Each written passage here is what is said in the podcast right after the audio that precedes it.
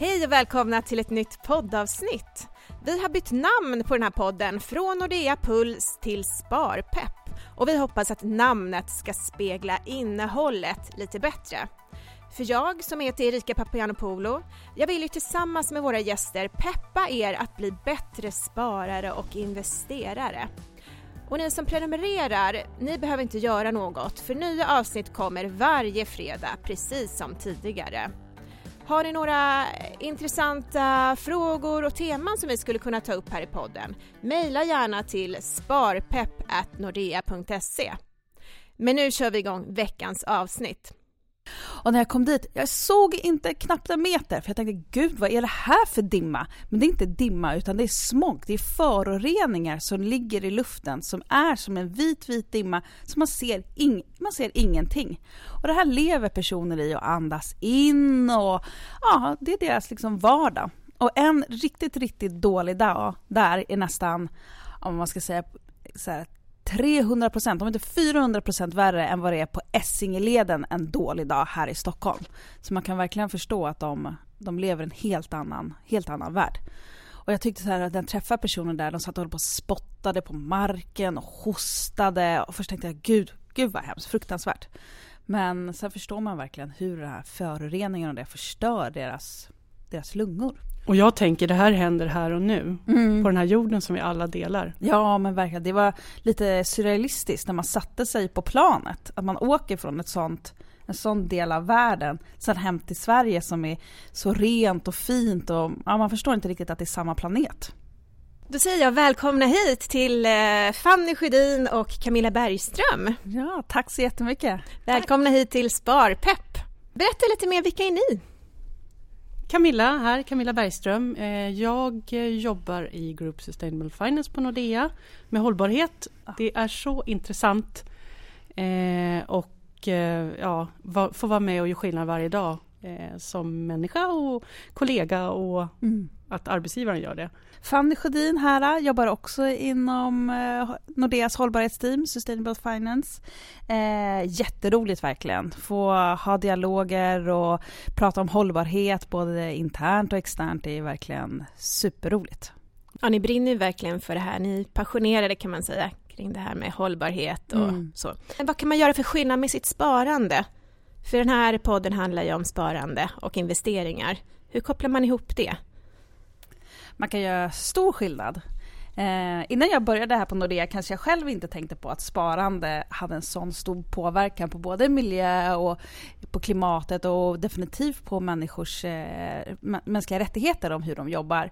Jag tänkte själv att jag, gjorde, jag jobbade väldigt mycket för att ja, men, minska mitt eget koldioxidutsläpp så jag åt inte så mycket kött jag försökte inte resa så mycket. Jag tvingade till och med min man sälja sin bil.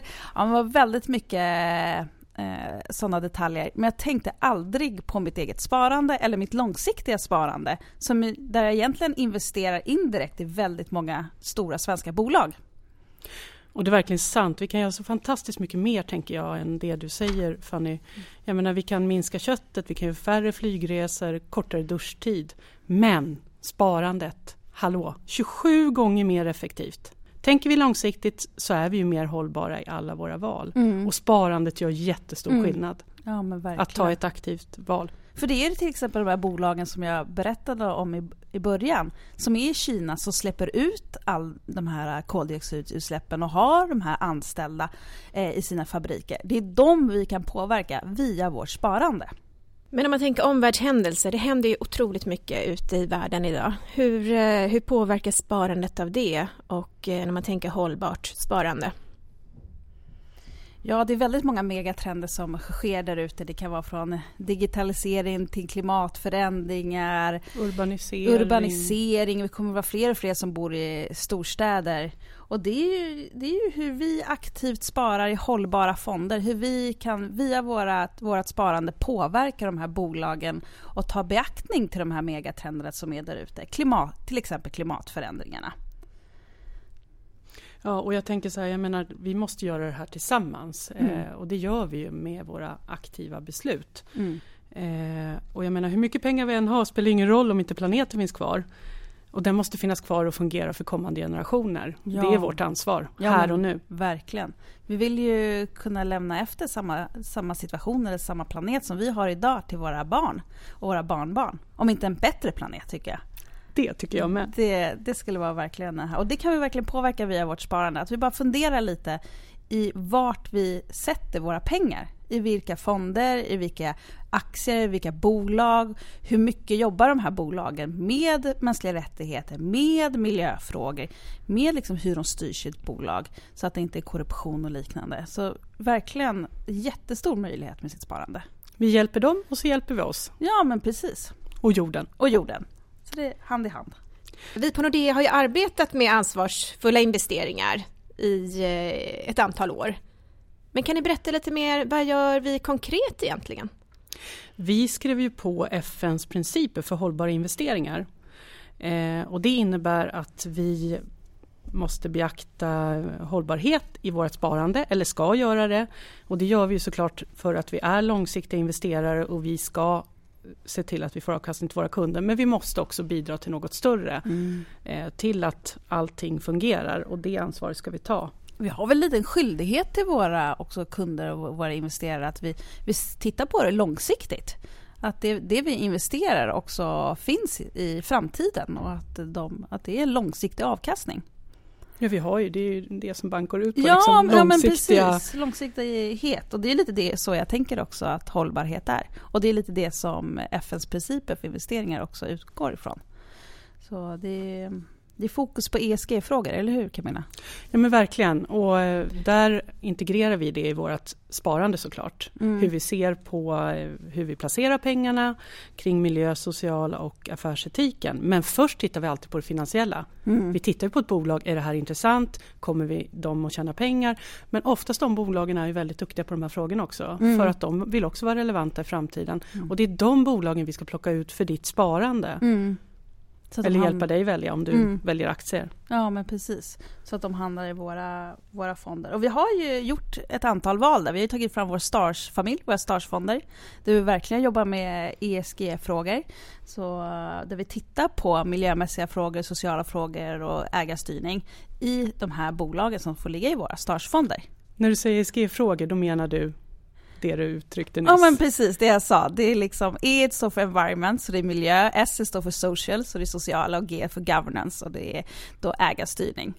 Och jag tänker också på Klimatfonden Mm. som verkligen främjar framtiden och tittar på framtida lösningar. Mm.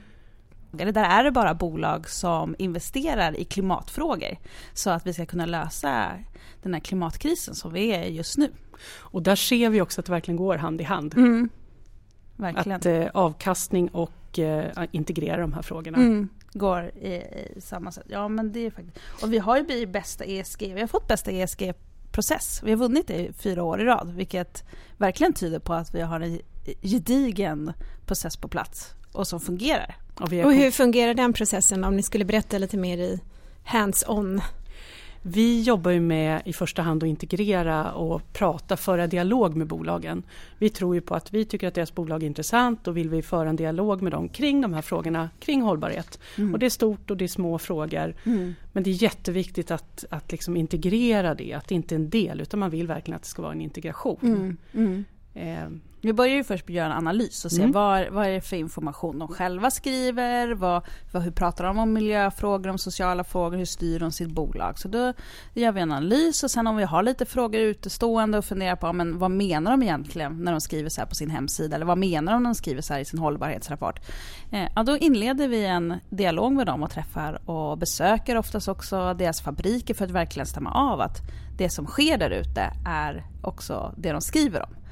Så att Och ni det- vill se det med egna ögon Ja, helt men- enkelt. Ja men precis, så att det verkligen... Eh, ibland kan det vara att bolag skriver lite finare rapport än vad verkligheten verkligen är. Så vi vill ut dit och se det, se det på riktigt. och vi åker på otroligt mycket fältbesök. Ja. Vi är ibland enda investerare som åker ut och tittar Mm. på bolagen. Mm. Vad var senaste fältbesöket, senaste resan? ja, senaste resan för mig var faktiskt Kina. Men vi har väl varit i Indien också och tittat på, Tittat på vattenfrågan. vattenfrågan. Ja men precis, den är väldigt stor påverkan. Och då var det fokus på läkemedelsbranschen. eh, Som är väldigt intressant hur, med kopplat till vatten, hur mycket liksom föroreningar, gifter och sånt som de släpper ut i vattnet för eh, det där, i omgivningen. Och som vi alla påverkas av. Mm. Så där är vi ju med och påverkar en hel industri. Så Mm. det är verkligen olika påverkansdialoger. Mm. Och jag tänker vi pratade ju om det här också kring eh, alltså mode. Mm. Ja. Som vi alla är intresserade ja, av. Vi läste ju lite om det här med jeans och sådär. Kan ni berätta lite om det är någon som har missat det?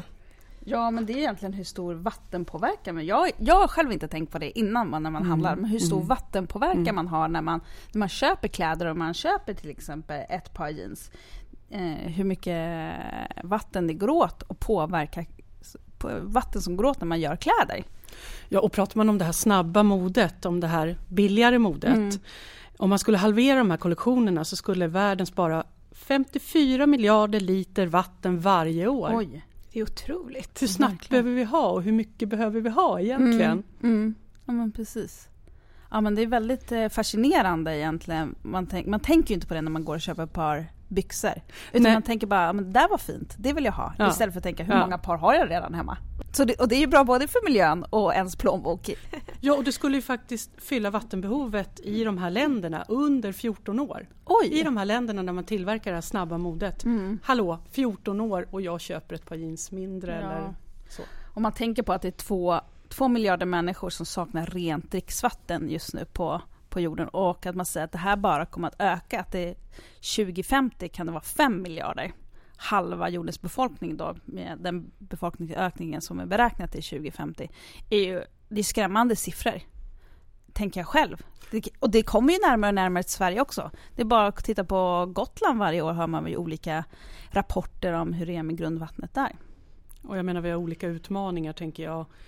Här har vi problem med bevattning av, eller om vi får fylla på våra precis. pooler men Ja, precis. de har ju annat i Ehm, ute i världen. Ja, verkligen. Där torkan kommer, det blir eh, varmare och varmare. Det här är ju väldigt tydliga exempel på att det är väldigt viktiga frågor som vi pratar om. Men om vi då eh, tänker på den vanliga spararen, hur tror ni att den eh, ser på eh, hållbara investeringar? Har man koll där ute?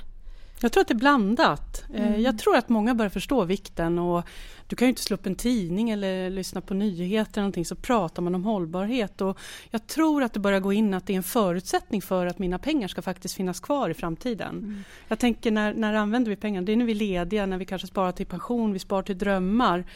Och, och vi behöver integrera det här och vi Mm. behöver ställa de frågorna där vi har vårt sparande. Det är viktigt, ja. Mm. Och jag tänker att hållbarhet för mig också är ju en långsiktighet. Man arbetar med det för det är långsiktiga frågor. Och vi som Nordea vill vara relevant nu men också om 50 år. Och samma sak gäller de andra bolagen som vi investerar och sparar våra pengar i. De vill ju också vara relevanta i läng- längre sikt. Och därav måste man ta nya risker i beaktning. Som klimatfrågan är ju en väldigt ny risk men som verkligen är på agendan. Och jag tänker så här, många har ju en, någon form av klimatångest. Vi har haft pensionsångest eller har och vi har klimatångest. Men om man kan koppla ihop det med att man faktiskt kan ta ett beslut och vara med och göra stor skillnad med sitt sparande. Då tror jag att det skulle gå upp en, en pling liksom Ja, att det här verkligen. kan jag vara med och bidra. Det var intressant mycket med klimatångest. Jag läste om det i tidningarna nu i, veckan. Att det är en, en av tre kvinnor, tjejer, har verkligen klimatångest. Man tänker på när man, om man ska resa eller om man ska göra någonting att det har en påverkan. Eh, Så, Och så tar vi bort ångesten med att göra ett aktivt val i vårt ja, sparande. men precis. Det är underbart ju, då kan Ja. vi verkligen eh, hjälpa till. Men jag tänker om man då funderar på det här med fonder till exempel och eh, man skulle vilja jämföra fonderna och till exempel se vad de har för eh, koldioxidavtryck. Mm. Hur gör man då? Vi har ju det på vår hemsida. Man kan gå in och söka på eh, våra fonder på nordea.com eller .se. Eh, och då har vi ett klimatavtryck där på alla våra fonder som vi har beräknat. Vilket är jättebra. Och om man kanske känner så här, ja men gud vad säger det här egentligen? Då kan man gå in på Morningstars där de står om alla fonder och där har de själva också gjort en hållbarhetsrating. Och den ratingen är gjord av jordglobar. Så då kan man se och jämföra lite olika fonder. Ja, men någon kanske har fått en jordglob, någon kanske har fått fem jordglobar. Så kan man läsa lite vad det, vad det, här, vad det här innebär. Och sen kan det vara fonder som får noll jordglobar. Då kanske man verkligen vet att det här, det kanske inte är här jag vill sätta mina, mina pengar. Och så ställer ni frågor när Ja. ni ska spara till de ni träffar. Mm. Frågor kring hållbarhet. Ja, till våra rådgivare. Ställ frågor och se vad de, vad de, vad de tycker och vad de rekommenderar åt dig. Men ni var ju lite inne på det här också med avkastningen. Jag får ingen avkastning när jag sparar hållbart. Stämmer det? Det är ju en stor myt. Mm, verkligen. Avkastning och hållbarhet, det går verkligen hand i hand. Jag vill sätta ihop händerna och göra liksom, ja ni ser men inte ni andra som lyssnar. Ska du dansa lite nu Camilla? Ja, Jag kan säga precis. det, vi hade lite uppvärmning innan eh, inspelningen och eh, en liten dans nästan. Så det stämmer inte alltså, det är en myt. Det är en myt. Eh, Det, det kan man ju liksom se på avkastningen också. Det, jag tänker så här, jag har mina läsglasögon på mig här nu idag. Om jag tar av mig dem och när jag sätter på mig dem, det är ju skillnaden med att vi har ett extra filter. Vi tittar liksom lite bättre på bolagen, vi tittar lite djupare ur miljö, social och affärsetik utöver den finansiella analysen. Vi inkluderar det. Vi får lite klarare syn helt enkelt Ja. när vi tittar lite bredare när vi sätter på oss våra glasögon. Ehm, så det tycker jag är jättebra. Som jag nämnde också förut så måste vi ta in de här att det finns flera olika riskperspektiv nu där ute. Eh, och det är det vi försöker titta på med våra, våra glasögon. Och bolag som mitigerar mer risker och tar in tar hänsyn till större delar av ens omgivning får faktiskt också bättre avkastning. För att då har de liksom jobbat med de frågorna som kan påverka, påverka ens, ja, ens organisation eller ens, hur, man, hur man fungerar som bolag. Eh, man har tittat på sitt leverantörsled så att det är bara bra leverantörer. Man har tittat på hur- sin transportdelen av hur man transporterar varor eller hur man producerar varorna. Så det är, jag tror verkligen på bolag som tar en mer holistisk bild. Ja, och ta den här kostnaden löpande istället för att det kommer där framöver och det blir Mm. en jättekostnad. Så Mm. har man liksom hela tiden tittat på de här riskerna Mm. och möjligheter. För det Mm. finns jättemycket möjligheter. Vi ska Ja. inte glömma det. Nej, Vi verkligen pratar gärna inte. risker men det är möjligheter. Ja, men verkligen. Man kan titta på den här klimatfrågan. Det är ju, det kommer vi kommer ju få en hel del klimatflyktingar här eh, framåt i tiden på grund av att det blir torka i många länder. Det var 145 miljoner människor som kommer vara på klimatflyktingar. Om man bara skulle kunna lösa frågan också, hur producerar vi bra mat i torka? På något sätt kommer vi kunna lösa det i framtiden. Och det är ju en jättestor möjlighet om man är ett bolag som kan lösa det. Såklart. Det finns säkert någonstans en liten lösning, men man kan göra det i större skala. Men om vi fokuserar på Sverige, vad behöver vi göra för att eh, möta klimatmålen här i vårt eget land? Vi behöver ju mycket. Mm. Vi måste ju själva hitta nya lösningar och vi måste göra det tillsammans. Det är ju inte bara en, en individ och ett bolag som kan lösa det här, utan vi måste verkligen lösa det tillsammans. Vi är ju tio topp på sämsta listan Mm, kring precis. hur vi eh, lämnar avtryck i Sverige. Och det är på, om man tänker på planeten, hur mycket resurser vi använder. Man tänker att planeten kan, men vi har egentligen en planet som består av x antal resurser. Och eh, vi i Sverige använder för mycket resurser egentligen vad en jordglob klarar av på ett år. Och om alla i hela världen skulle använda lika mycket resurser som vi gör, då skulle vi behöva ha 4,2 jordglobar. Oj. Det är väldigt, väldigt mycket mer. Eh, och jag tycker, man kan ju verkligen tänka på vår konsumtion och dra det. Vi, vi köper väldigt mycket saker här i Sverige, nya kläder som vi pratar om, nya bilar, eh, allt det runt omkring. Men utsläppet är ju inte, händer ju inte här i Sverige. Och det är därför vi har så himla ren luft och bra vatten. För att vi egentligen Skickar det. exporterar det Mm. till Kina. Där produceras alla våra saker som sen skickas till Sverige som vi köper. Och det tycker jag man ska ha lite i baktanken när man handlar eller om när klimatfrågan kommer upp. Att det, ja, man tänker att det, men det är så himla bra här i Sverige. Men det är fortfarande, vi har en stor påverkan då jorden är global. Och vi påverkas tillbaka såklart. Mm. Och vi vill också vara i de länderna och verka i de länderna. Och jag menar man behöver titta på nya lösningar också. Jag menar bilindustrin gör ju Mm. mycket. Ena stunden är det diesel, sen ska vi titta på hybrid. Eh, Elbilar, ja. ja men precis. det måste hela tiden utvecklas för den, den utvecklingen som är nu, den är liksom inte hållbar. Nej. Vi måste ställa om. Mm. Behöver vi nya bilar är ju frågan. Mm. Eller kan vi på något sätt bara använda de bilar som redan finns? Kan vi uppdatera dem? Jag tror det är en kille i vårt team som räknade ut att Sverige kommer nog aldrig nå sitt klimatmål om vi inte ser över bilproduktionen. För vi Mm. köper för mycket nya bilar och Konsumtion igen. Konsumtion igen Ja. och vi släpper ut för mycket. Så det kommer göra att vi aldrig når vårt svenska klimatmål. Så vi måste också hitta nya lösningar och tänka om. och vi, vi har råd och möjlighet att göra ja, det här i men Sverige. verkligen. Och vi måste göra det. Mm. Vi är en global spelare Ja, med men allt som det vi har precis. pratat om. Och som jag sa, jag tvingade ju min man sälja bilen och då började vi carpoola istället. Och det, Mm. det funkar jättebra, det var mycket smidigare än, än vad vi tänkte att det skulle vara. Det är bättre än vi, för vi tog en hybrid och jag fick lite ont i magen för där var det en ny hybrid. Och jag menar det är verkligen kostsamt. Mm. Plus att man tänker på batteriet som det är väldigt mycket diskussioner om. Ja, just det. Det är väldigt mycket mänskliga rättigheter. Det, Kring det. Precis. Det, Och det måste- kommer också ta slut inom ett par år. Det kommer Ja. inte finnas batterier för alla våra hybrider. Så att det är hela tiden titta och som du säger utveckla de gamla. Mm. Köra Mm. cirkulärt, att Ja, man faktiskt lämnar in bilen och uppdaterar den. Mm. Det är den som är den stora möjligheten nu framöver. Mm. Att vi ska få mer cirkulära arbetsmodeller, affärsmodeller. Mm. Och sen också att liksom få cirkulära företag. Mm. Jätteintressant. Mm. Mycket möjligheter, absolut. Om jag säger Facebook, vad säger ni då? Intressant. Nej men eh, Facebook har verkligen varit på agendan hela förra veckan och jag tycker jag är stolt över att jobba på Nordea. Jag har fått bara massa positiva reaktioner från min omgivning att vi Mm. har tagit aktivt val. Man tänker inte att data privacy eller liksom eh, de frågorna är en hållbarhetsfråga. Men det är det ju verkligen. Så Ja. mycket som vi är på internet nu, så mycket personuppgiftslagar eller personuppgifter som finns eh, uppe i olika moln och som. Facebook styr, som Google styr och som vi egentligen inte tänker på att vi ger ut.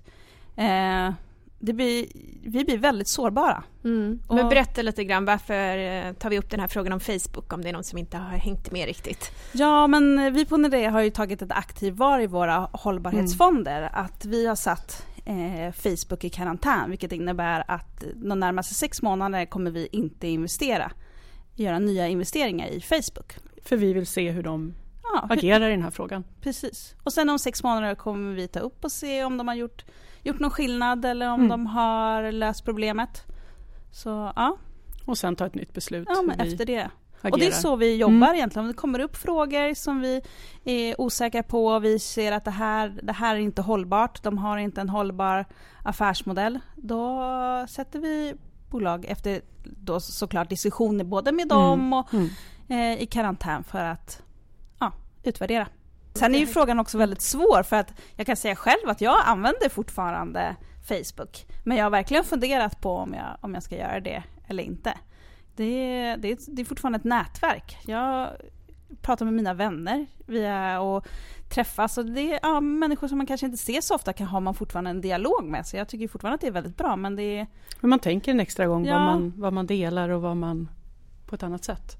Hur kan man ta ett aktivt beslut?